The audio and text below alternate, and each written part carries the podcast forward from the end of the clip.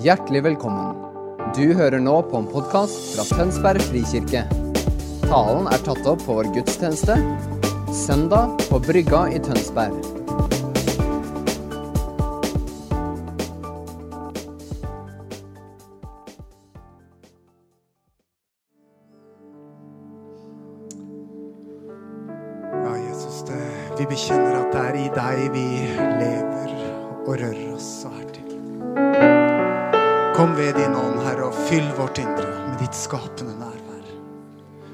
Form oss i ditt bilde.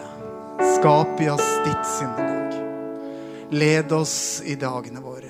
Se hva du har lagt ferdig. Gi oss nåde til å se hva du har lagt ferdig i hver enkelt av våre dager. Så vi kan være der du er. Gjøre det du legger på oss. Og gå inn i det du har lagt ferdig for oss.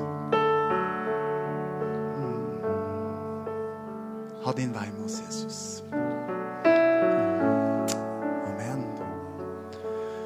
Tusen takk skal dere ha, lovsangsteamet, for at dere leder oss inn i tilbedelsen.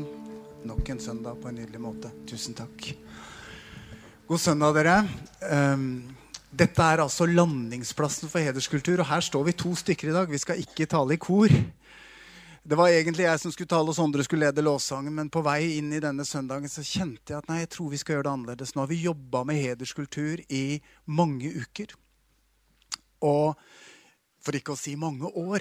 Vi har undervist dette i runde etter runde. Og det er med veldig stor glede vi tar imot tilbakemeldinger fra dere i huset på at det lander. At dere sier at dette er oss, dette er det vi skal være. Det er dette Jesus har lagt på oss. Um, og så ble det klart for meg at istedenfor at jeg skal summere opp, så ønsker jeg at en av de unge stemmene i huset som bærer det samme budskapet, som har noe av språket som er vårt hus sitt språk, skal få lov til å gjøre det.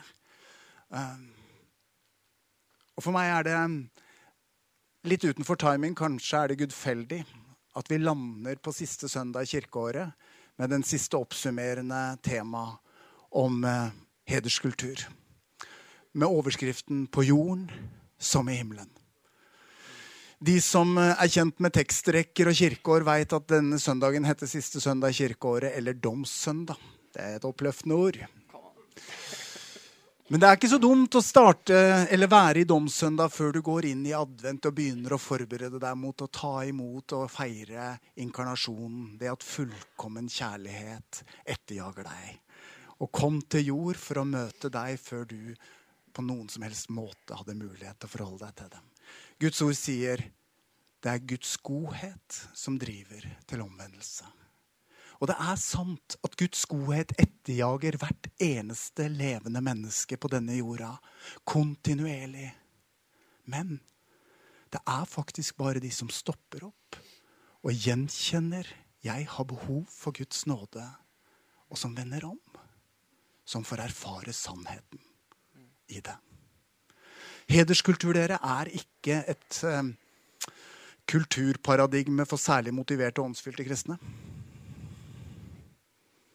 Det er en måte å kle i ord Jesuslivet på, hvor vi erkjenner at vi er de som trenger Hans nåde, og som derfor behandler hverandre med den nåde vi har fått motta først. Nåde og kjærlighet er himmelens valuta. Og når vi setter den valutaen i bevegelse, så er det noe av himmelen som blir forløst på jorda. Når vi ser forbi det som kunne vært annerledes i hverandre for Jesus skyld. Når vi ser det av Guds herlighet som er lagt på hver og en av oss, og kaller det fram. Når vi konfronterer i kjærlighet.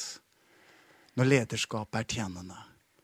Og når vi ærer lederskap fordi vi vet at det lederskap, den utrustning og den gaveutrustning vi stiller oss innunder, får vi ta imot velsignelse av.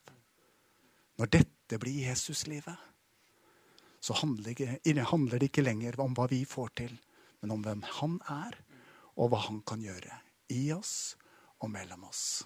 Skal ikke jeg si mer? Skal Sondre få lov til å si resten? Men dette er viktig for oss. Dette er det vi er. Dette er det vi skal være. Dette er det Jesus har gjort oss til. Ja. Vær så god, Sondre. Takk, Morten.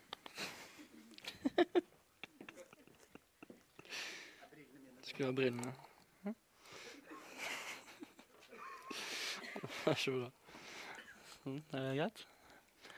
Jeg har lyst til å starte med en, eh, Det en liten fortelling. Eh, her på mandag så satt jeg på eh, kafé oppe i byen, og så møtte jeg tilfeldigvis på, på Itzel, kona til Øyvind Mathias, som er ungdomslederen vår.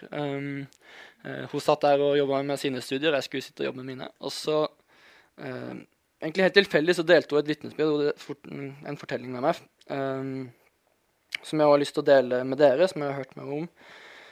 Um, og Grunnen til at jeg vil dele det med dere, er at jeg mener at det er noe genuint Jesus-lignende i den fortellinga som Itzel delte med meg. Uh, og derfor vil jeg dele den med dere. Fordi det er noe Ja. Forteller om et uttrykk for kjærlighet som uh, er både litt trist og litt ironisk. uh, og ganske vakkert. Eh, og det er gjenkjennbart. For noen år siden så mm, gikk Itzel og Øyvind på bibelskole i USA. Eh, og Itzel bodde i et kollektiv sammen med eh, en del andre jenter. Eh, og den høsten de begynte, så var det en av jentene i det kollektivet som fikk en diagnose på en hårsykdom som gjorde at hun mista sånne svære klumper med hår fra hodet sitt eh, hver eneste dag. eh, og kom til å bli skalla. Liksom. Og det var utrolig utfordrende for denne jenta. Eh, hun gren hver dag på badet uh, når hun liksom flukka ut en annen flekk liksom, med hår fra hodet sitt. Uh, og det prega uh, fellesskapet, det kollektivet. Og så er det en dag hvor Itzel opplever Gud sier denne her setninga til henne. Itzel, ville du vært villig til å barbere hodet ditt for å vise noen kjærlighet? Den setninga. Ikke 'vil du gjøre det for henne', men hadde du vært villig til å gjøre dette her som et uttrykk for kjærlighet? Eh, og Itzel sier bare nei. nei. det har jeg ikke lyst til. Det har jeg ikke tenkt å gjøre. Eh, det er jeg ikke villig til, liksom. Eh, men neste dag så går hun og så møter hun eh, to andre i kollektivet eh, som står og prater sammen, og de har hatt en drøm akkurat den natta. Eh, de har drømt den samme drømmen, eh, hvor de opplever at Gud kommer til dem og så spør samme spørsmålet. Ville du vært villig til å barbere hodet ditt for å vise noen kjærlighet? Den ene sier ja, det ville jeg gjort, og responderer på det i den drømmen. Den andre sier nei. Eh, og de er liksom det her er bare veldig rart, eh, eller kanskje ikke så rart. Eh, og de snakker sammen, og det er veldig tydelig at Gud utfordrer dem på noe i møte med, eh, i møte med denne venninna i kollektivet. Eh, og det her med nestekjærlighet og det å gjøre noe for en annen er utfordrer og de snakker litt sammen, og så er det etter hvert Itzel som eh, sier jo, det, det, det skal vi gjøre. Vi tar også eh, samles en ettermiddag, og så vi, vi, får vi med oss en barbermaskin, og så barberer vi hundene våre. liksom. Bare for å stå sammen med hun her som har det vondt akkurat nå. Uh, og de får med seg Øyvind Mathias òg på det. Uh, hvis dere vil, så kan dere spørre de om å få bilder senere. Det er litt morsomt å se på. Ja. Eh,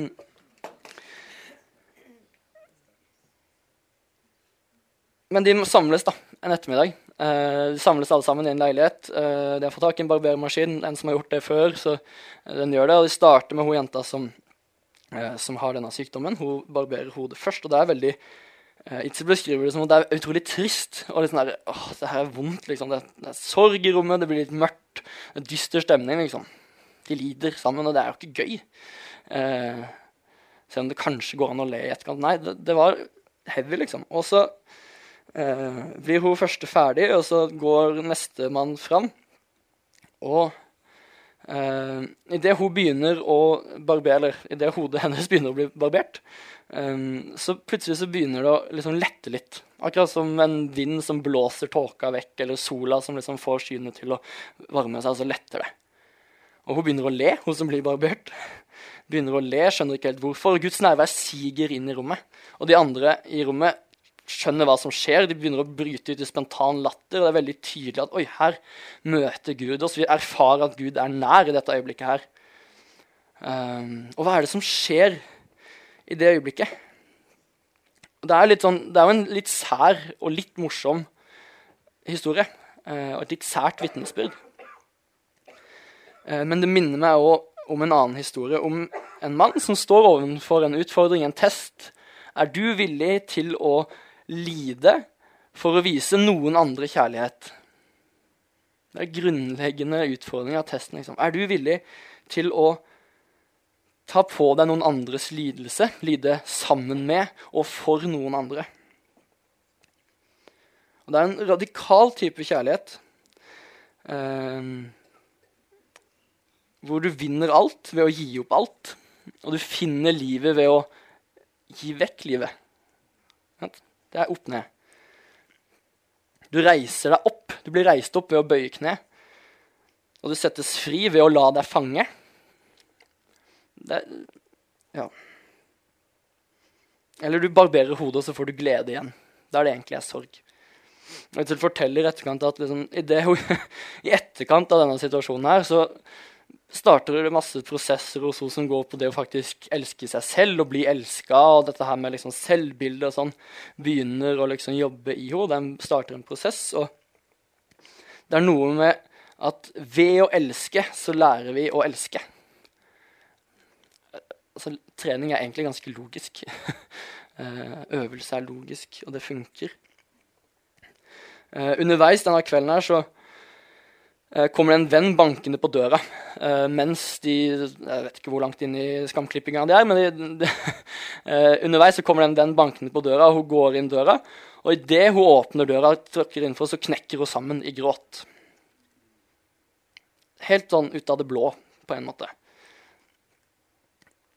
Men det står i Johannes 13, 35, så sier Jesus til disiplene sine like etter han har vaska føttene til disiplene, før han skal gå og ta den, gå gjennom den lidelsen, så sier han ved dette her skal hele verden vite at dere er mine disipler. At dere har kjærlighet til hverandre. Det er sånn han sier at hans kjærlighet, Guds storhet og godhet skal åpenbares for verden ved at den kjærligheten opererer imellom oss, imellom disiplene. Og Noe i meg tenker at det, var, det er en tungvint måte å gjøre det på, Jesus. fordi du kan jo bare møte hele verden med alt det du er. Du er allestedsnærværende, du er allmektig. Du kunne gjort det på denne måten, men han har valgt oss som redskap og et uttrykk for kjærlighet til denne verden. Og det er på en måte utfordringa og kallet. Og han sier òg, som vi leste i leseteksten, at det her er det ene budet. At dere skal elske hverandre slik som jeg har elska dere.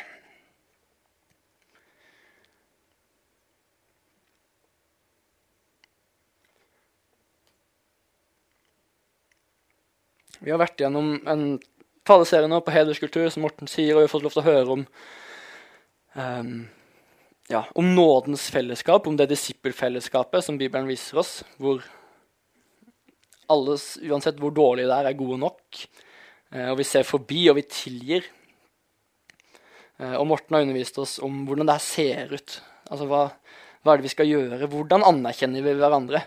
Hvordan bygger vi hverandre opp? Hva, hvilke ord bruker vi? Og hvordan konfronterer vi, ikke minst? Kanskje minst like utfordrende. Eh, og Øyvind talte for to uker siden om at Jesus han har gitt kirka, han har gitt fellesskapet et lederskap. Han har gitt gaver til menigheten. Eh, og vi må la oss betjene, og vi må la oss elske for å bli bygd opp. Det kjenner jeg er utfordrende mellom jeg tror, jeg tror, det var du, Morten, som underviste en gang på bibelskolen for noen år siden. jeg var der, eh, Om at den rikeste viser seg ikke ved hvem som har mest, eh, men, eller gir mest, men hvor mye han klarer å ta imot. Du kan gi bort alt, men hvor mye klarer du egentlig å ta imot?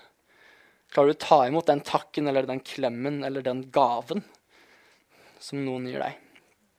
Lar du deg bygge opp? Og vi har fått se Morten han presenterte denne uh, fortellingsbuen som Bibelen på en måte, uh, som, som, går gjennom hele Bibelen. Uh, og som vi òg finner i små biter av fortellinga. Uh, og den Fortellinga har fire punkter. og Det er skapelse, det er fall, og det er gjenopprettelse, og det er ny skapelse. Og Vi ser det over hele fortellinga, sånn fra ende til annen. Og vi ser det òg i sånn små biter her og der. Um, og Vi skal se litt på, på det her mer i dag. Um, for å gripe og fatte det her med um, Jo, på jorden slik som i himmelen. Uh, Guds rike. Um, for det er, er, her helt fra side én. Og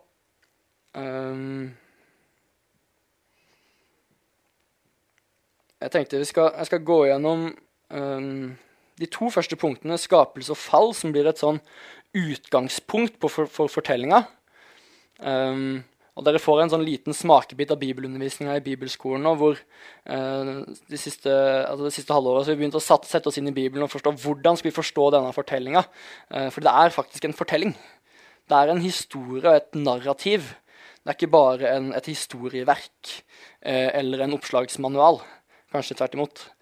men det er en fortelling som inviterer oss inn, og den har faktisk en intro og et problem en problemstilling som skaper en spenningsbue. Og så kommer det et klimaks i den fortellinga og en løsning. Og så får vi en ny virkelighet ute. ikke sant? Enhver god film har dette her, eh, dette her denne oppbygninga. Sant? og vi skal finne det i denne teksten òg. Eh, for på side 1 så starter Gud med å skape menneskeheten. Han skaper Adam og Eva, mann og kvinne. Og han skaper dem til å elske og ha relasjon med ham og til hverandre. Han skaper Adam, som betyr menneske. Og så deler han mennesket i to. Og skaper Eva, som betyr liv. Her kommer menneskeliv. Det er, mye, det er mange lag i denne fortellinga. Det handler om mann og kvinne, ja, kjønn, og det handler om menneskeheten. Vi kan jobbe mye med disse versene. Og mannen får kvinnen, som kalles en Eser er det hebraiske ordet, som oversettes som hjelper. Dette hebraiske ordet eser, hjelper, går igjen, igjen mange ganger i Det gamle testamentet og brukes aller mest for å beskrive Gud. For å beskrive Gud som hjelper og frelser og frigjør eh, sitt folk, eh, og som trer inn i historien og hjelper til.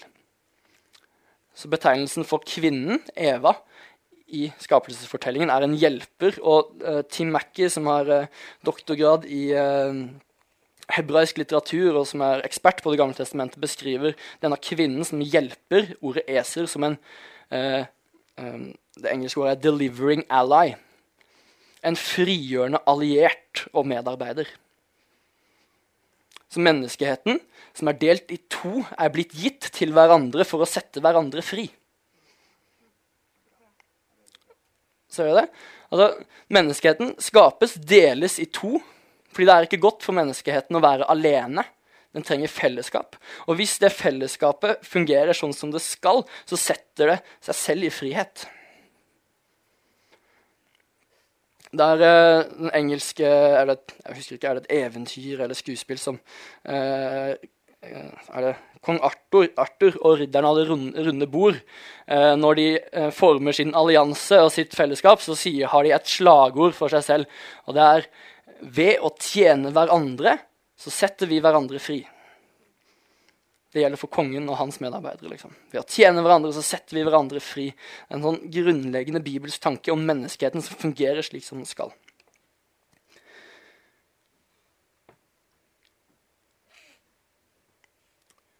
Dette er Guds intensjon og design i skapelsen, for han skaper en ramme og et fellesskap for sin skapelse, sånn at den kan fungere der.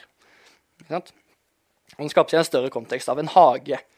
Og Denne hagen ligger i Eden, som er et større geografisk område. Og Eden ligger i verden.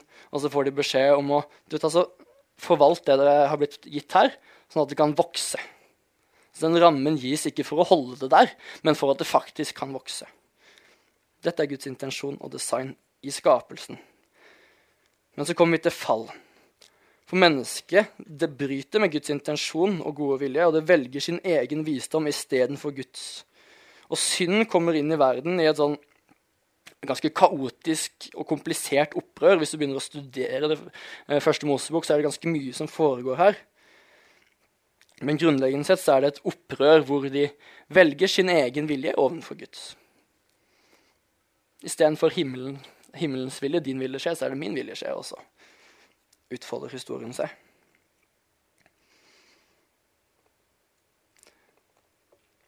Fordi mennesker er skapt fritt til å velge relasjon.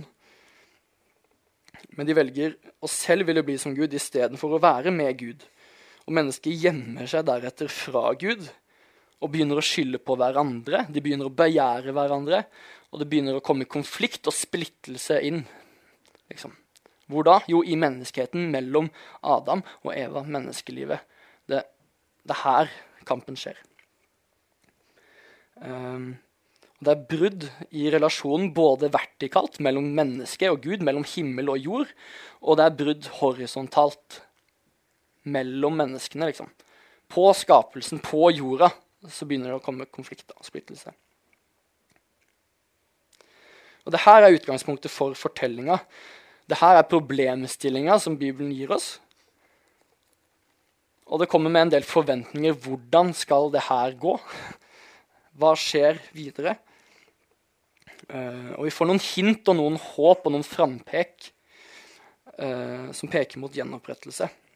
Hvis du hopper fem, nei, syv kapitler fram uh, Nå er vi på gjenopprettelse. Hopper du sju kapitler fram, så kommer du til fortellingen om Abraham og Sara. I ti kapitler så har alt gått kjempegalt. Ikke bare mellom disse to personene i hagen, men på en global skala så ser vi krig og opprør eh, og ondskapen som sprer seg utover hele, liksom. Og i det kaoset, akkurat som kaoset før skapelsen, der det er hav og kaos og sånn og sånn, og så skaper han I det kaoset så velger Gud ut en mann og en kvinne. Han velger ut en ny menneskehet, liksom, i Abraham og Sara. Eller Abraham og Sara, som er navnet deres per nå. For Gud har en plan for gjenopprettelse, og den involverer hans bilde i skapelsen. Han, har, han, har, han involverer oss i denne, i denne oppgaven, liksom. Han velger Abraham og Sara for denne gjenopprettelsen. Og lang historie kort. Abraham og Sara, Jakob, Israel, Guds folk, som velges ut, og som er ment til å fungere som lys og salt i verden og spre Guds godhet, Guds kjærlighet. Men den historien går ikke så bra, den heller. De bommer på målet like mye som Adam og Eva i hagen bommer på målet. Og Dette leder oss helt fram til Det nye testamentet og helt fram til Jesus som evangelisten Matteus er veldig interessert i å påpeke at Jesus han er sønn av Josef, sønn av Det er ganske kult hvis du kunne hele den slektslista nå. sant?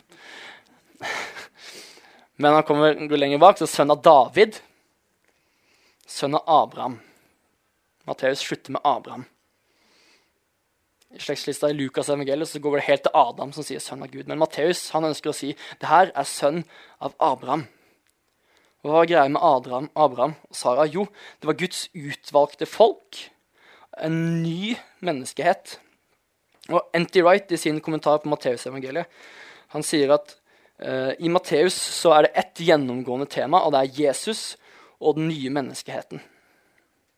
Fordi den nye menneskeheten den starter med Abraham, og den oppfylles i Jesus og blir derfor prosjektert videre inn i disiplene og inn i Guds nye folk, som er kirken.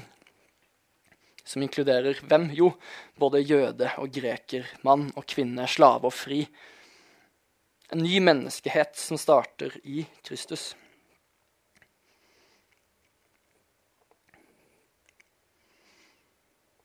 Og Gud stiger ned og reiser opp menneskesønnen mennesker, Det er en heavy tittel, og det er et svært tema. Jeg skal ikke gå inn på det, men det handler mye om Daniels bok, kapittel 7. Eh, masse greier. Men menneskesønn er den tittelen Jesus bruker aller mest om seg selv. Hvorfor det? Hvorfor skal han være menneskesønn? Er ikke han Guds sønn? Er ikke det poenget? Jo, det er en del av poenget, en viktig poeng. Men selv så sier han om seg selv til de rundt seg at han er menneskesønnen en som er mer menneske enn noe annen. Hvordan er han mer menneske enn noen annen? Jo, han oppfyller loven og profetene. Han oppfyller Guds intensjon og design med mennesket. Han lever i perfekt relasjon med far. Og han gjør kun det han hører far si og gjøre, liksom. Og han lever ut en sann menneskehet eh, der alle andre falt til kort. Og Da kommer vi til den nye skapelsen, den nye menneskeheten som nevnt er oss, som er kirken. Og så sier Jesus til disiplene sine at slik som jeg har elsket dere, skal dere elske verden. Og denne taleselen vår, vår på hederskultur er, eh, bruker det språket hederskultur for, for, å hjelpe oss å praktisk skjønne og, og, få liksom noen enkle punkter å følge ut av det her. Fordi eh, av og til så er det litt vanskelig eh, å eh, skjønne Bibelen eller høre Guds stemme. eller sånn, og sånn. Så vi, vi gir oss selv noen verktøy. Jeg er ikke imot tittelen hederskultur, Morten, det er ditt, ditt patent. Men, men hvis vi går tilbake til det bibelske ord, ordforrådet, så er ikke ordet nødvendigvis hederskultur, men det er enkelt sagt kjærlighet. Kjærlighet er det ene store budet. Kjærlighet er det som rommer alt det mennesket er skapt til å ta imot og leve ut. Og den kjærligheten som Jesus demonstrerer, og som er det vi kan kalle himmelens verdisett Himmel på jord. Gud, inkarnert. Den kjærligheten den defineres ikke av verdens rammer og forventninger, men den er til fra evighet av. Helt fra skapelsen. Det er det skapende ordet, Jesus. Kjærligheten den er allmektig og urokkelig over tid og sted. Hvorfor det? Hvordan kan det være riktig? Jo, Paulus sier det ganske enkelt og rett fordi Gud er kjærlighet.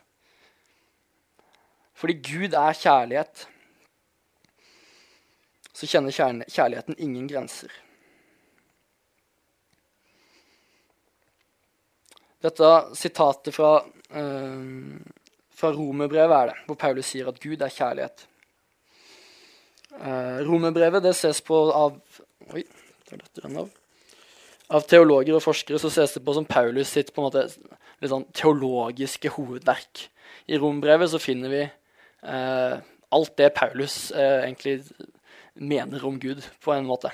En veldig helhetlig undervisning eh, om Guds frelseshistorie. Han skriver til menigheten i Roma, som han ennå ikke har besøkt. Men en annen kategori av Paulus sine skrifter det har vi eh, kanskje veldig tydelig i korinterbrevene. Korintermenigheten, i motsetning til eh, romerske menigheten, eh, er en menighet som Paulus kjenner veldig godt. Det er den menigheten han har vært, brukt aller mest tid i. Eh, på den andre misjonsreisen så blir han i Korint i ett og et halvt år. Ett og et halvt år. Alle de andre stedene, sånn i, i Tessaloniki, så er han bare en to uker. tror.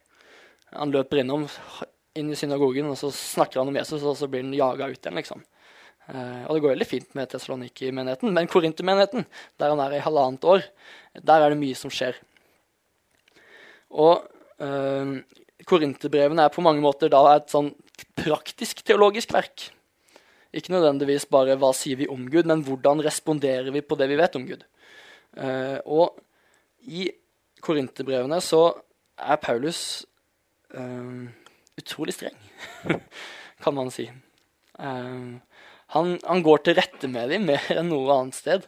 Uh, han, han, kaller ut synd på ja, ganske voldsomme måter. Uh, og han kommer med innspill på hvordan de skal gjøre gudstjenestene sine. Han kommer med innspill på altså, utpeke vranglære, det må slutte å si det, det må si det, uh, osv. Han går til rette med dem utrolig mye. Hvorfor kan han gjøre det med korintermenigheten?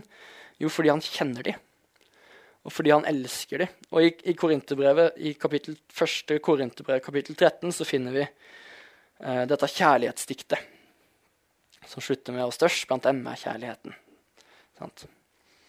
Um, og kjærligheten i Korinterbrevet blir et sentrum, og som ligger til grunne for at det er mulig for Paulus å gå til rette med menigheten i den grad han gjør det.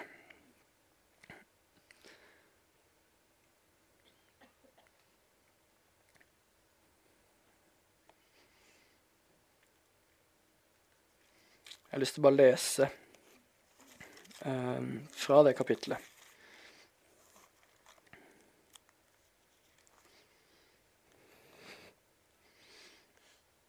Etter å ha irettesatt de og uh, sagt hvordan de skal forvalte nådegavene, Så sier han fra kapittel 12, vers 31 Dere skal være ivrige etter å få de største nådegavene, og jeg vil vise dere en enda bedre vei.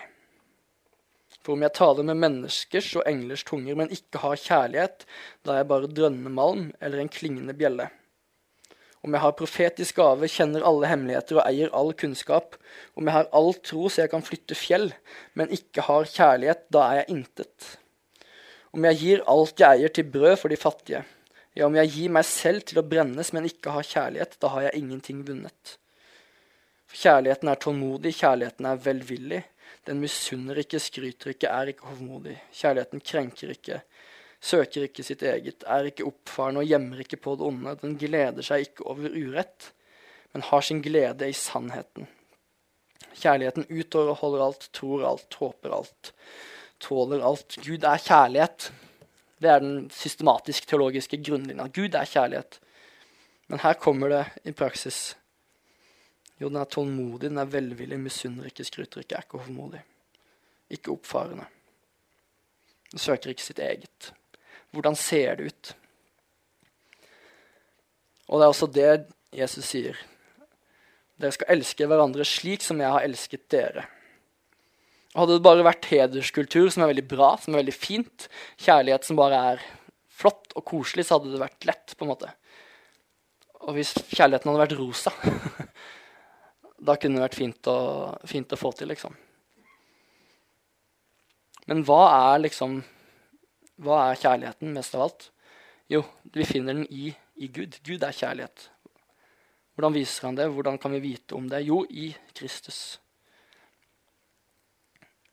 Og Det er der utfordringa kommer. For hva gjør Kristus? Jo, han, han får spørsmålet har du mulighet, eller er du, er du villig til å gjøre alt du kan lide, sette alt til side for å vise ikke bare naboen, liksom, men hele verden kjærlighet. Når korset er det perfekte uttrykket for kjærlighet, så er det plutselig ganske utfordrende. Når Jesus skal oppsummere loven, så, det, så bruker han først eh, den jødiske trosbekjennelsen. Du skal elske Herren din Gud av hele ditt hjerte. All din sjel, all din forstand. Men så sier han men dette budet er like stort. Og er, jeg skjønner ikke helt hvordan Jesus leser Mosebøkene, for det er et sånn veldig rart vers midt inne i tredje Mosebok.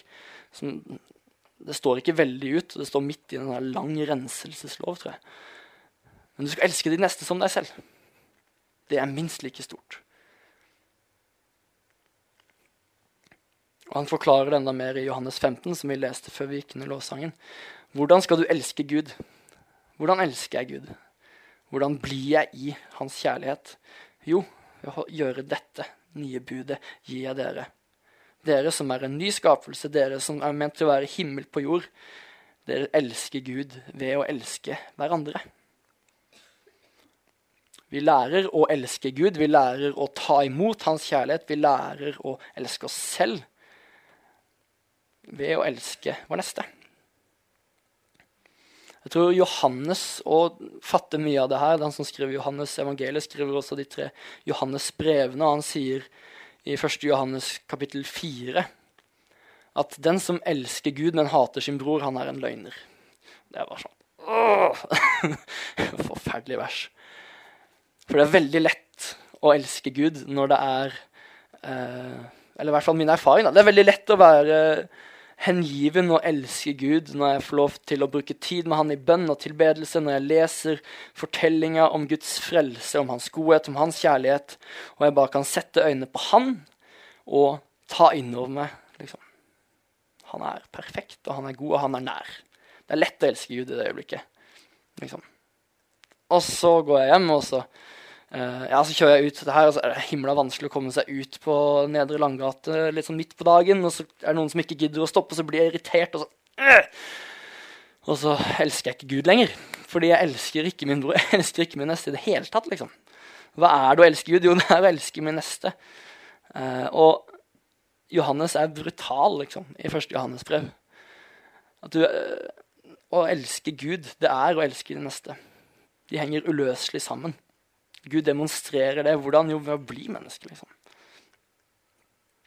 Um, jeg har lyst til at vi skal um,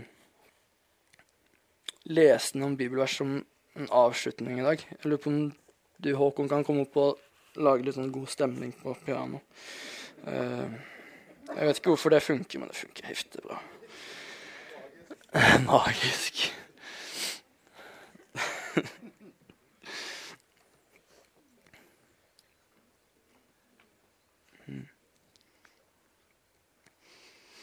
Så er det òg noe med det Jesus sier da, om at du skal elske den neste. Hvordan da? Jo, som deg selv. Um, Morten har sagt det her før. Det er lett å, lett å huske på det, men det er også lett å glemme det. At du skal elske den neste som deg selv. Jeg har ikke mulighet til å gi noen noe jeg ikke har. Um, hvis du tar det videre til ja, du kan ikke elske Gud og hate din bror, men du kan heller ikke elske din bror og hate deg selv. Det funker veldig dårlig. Uh, vi skal ikke gå inn i alle de problemene det kanskje kan innebære, men, men på mange måter er det et trippelt kjærlighetsbud. Um, og jeg tror ofte så er kanskje fiendens beste våpen for å svekke deg i kallet til å elske din neste, er å utfordre kjærligheten du har til deg selv. Um,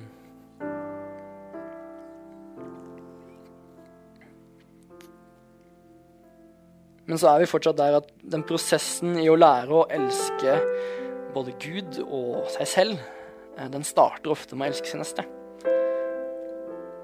Så det er et sånn virvar av et system. Du får ikke det her ned i systematisk praktisk teologi. Uh, du må gjøre det. Reformatoren John Calvin ikke vår fyr, da, men Calvin lurer han. Han, eh, han, sa det at hvis du kjenner Gud, så blir du forvandla av Gud. Slår egentlig et sterkt slag for at det her er Det, det funker ikke som teori. Uh, hederskultur funker ikke som teori, men det funker kun i praksis. Uh, fordi Gud lever, liksom. Uh, å kjenne Gud er å bli forvandla av Gud, og å kjenne Gud er faktisk et, et liv, et uttrykk. Um, jeg tror vi som moderne kirke har et sånn, eller kanskje spesielt i det vi kaller evangel, evangelikale kirker, uh, et uttrykk som er veldig glad i å gi livet sitt til Jesus og ta imot frelse og kjenne Gud. Um, men det Jesus sier til disiplene, er å gå ut og forkynne evangeliet. Ja, det er vi veldig gode på, men dere skal gjøre alle til mine disipler. Lære dem å holde de buda jeg har gitt dere. Liksom. Og faktisk følge Jesus er en eh, så utrolig viktig del av pakka. Um, du kan ikke si ja den ene dagen og så gå ut og hate din bror etterpå. Du kan ikke elske Gud på møte og hate bror etterpå det. Da lyver du til deg selv, sier Johannes.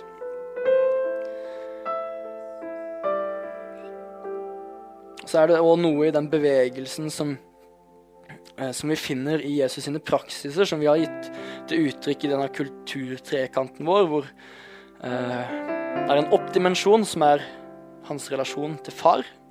Det er en inndimensjon som er hans relasjon til fellesskapet, hvor vi plasserer hederskultur.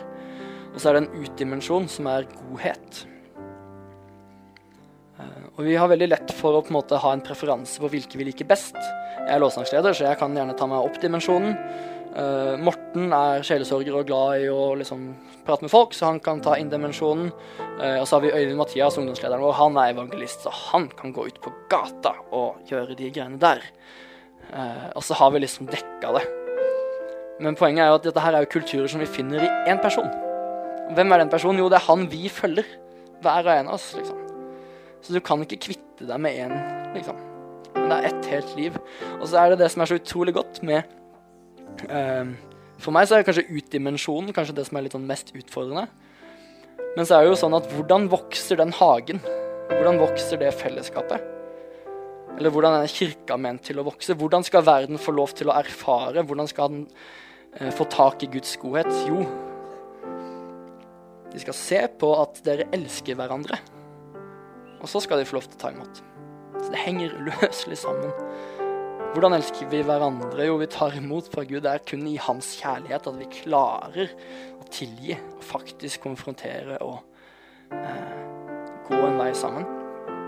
Og hvordan skal vi vise at eh, Gud er god til verden der ute? Jo, vi skal la de se vårt fellesskap, og så skal de få lov til å se kjærligheten vi har til hverandre.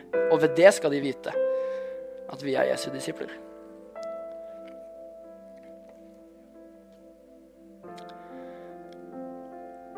Resten av kan få lov til å komme opp. Og så vil jeg at vi skal reise oss alle sammen. Så skal jeg lese noen, noen bibelvers som avslutning. Um,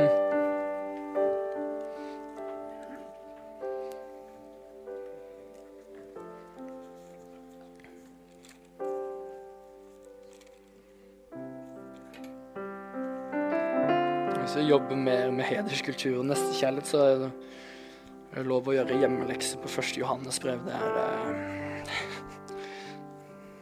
fantastisk utfordrende. Jeg vil lese først fra Kolosserne 3. Der står det Dere er Guds utvalgte, helliget og elsket av ham.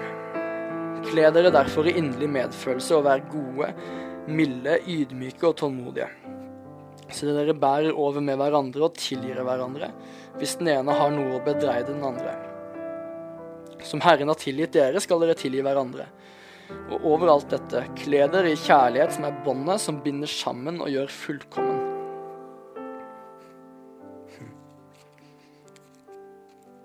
Og I første test fem så står det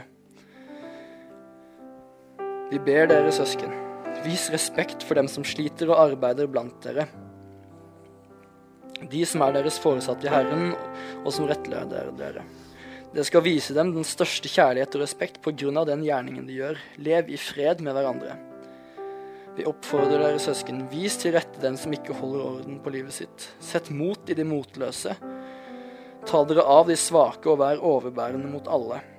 La ingen gjengjelde ondt med ondt, men strev etter å være gode mot hverandre. Ja, mot alle. Vær alltid glade og be uavbrutt. Takk Gud under alle forhold, for dette er Guds vilje med dere i Kristus Jesus.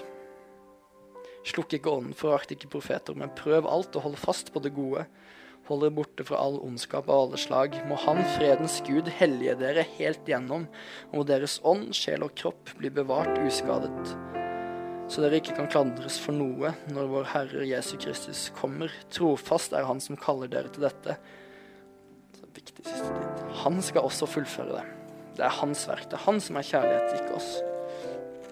Og så vil jeg lese fra 1. Johannes 4 til slutt.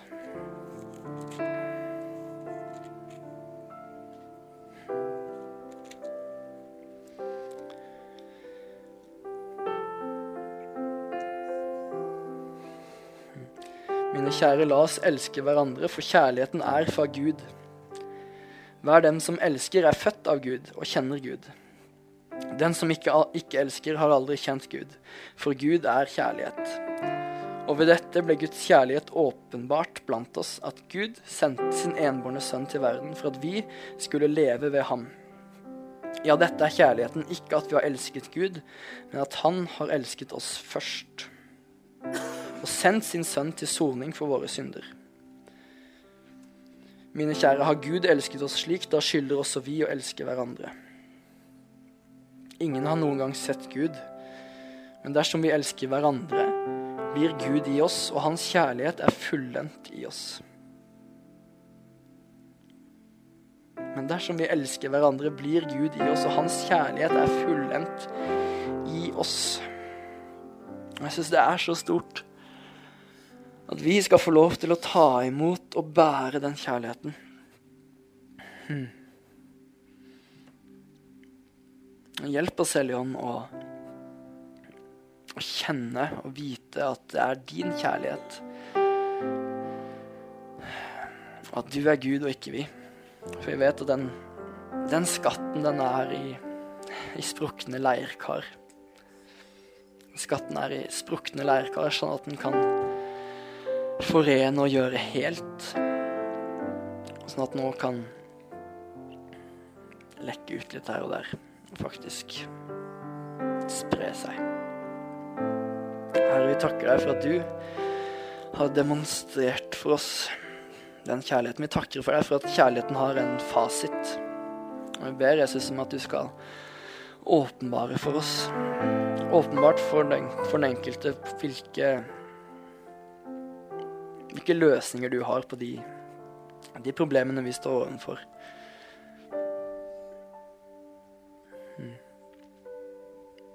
Gjør synlig de, de tekstene som, hvor du demonstrerte kjærlighet på en sånn måte som vi kan få lov til å etterligne i dag. Hjelp oss å stole og søke, stole på deg og søke deg for å, for å praktisere denne kjærligheten oss imellom.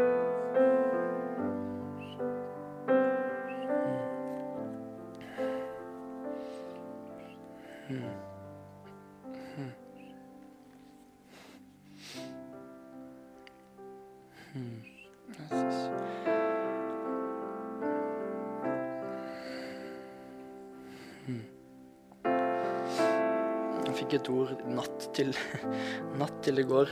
Um, etter første møte på Fryktøy, hvor jeg opplevde Gud um, Ja, la noen ord i munnen min, hvor, hvor jeg endte opp med å si Det er to ting jeg har for øye når jeg ser på deg, Jesus. Og det er vitnesbyrd om korset. Og det er så utfordrende, for det er dit jeg kalles. Liksom. Men det andre er å håpe om herlighet. Den perfekte friheten, den frigjorte skapelsen, den fødes og gjennom den kjærligheten.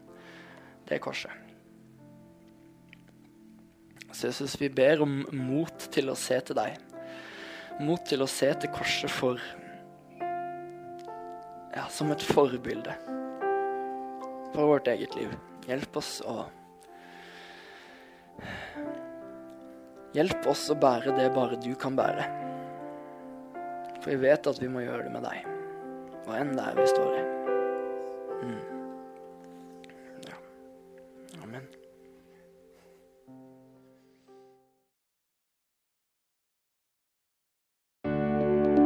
Takk for at du hørte på vår podkast. Har du spørsmål eller ønsker du å vite mer? Søk oss på vår nettside tonsbergfrikirke.no. Du er også velkommen til kirke på Brygga i Tønsberg.